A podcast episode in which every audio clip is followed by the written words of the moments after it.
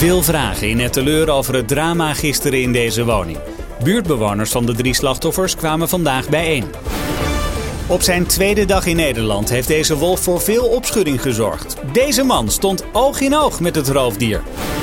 En een 45 meter hoge boortoren die in luttele seconden wordt opgeslokt door de aardbodem, is gewoon gebeurd. Hier in Nederland. Rechtstreeks vanuit onze hoofdstad is dit Hart van Nederland. Met Evelien de Bruin en Sandra Schuurhof.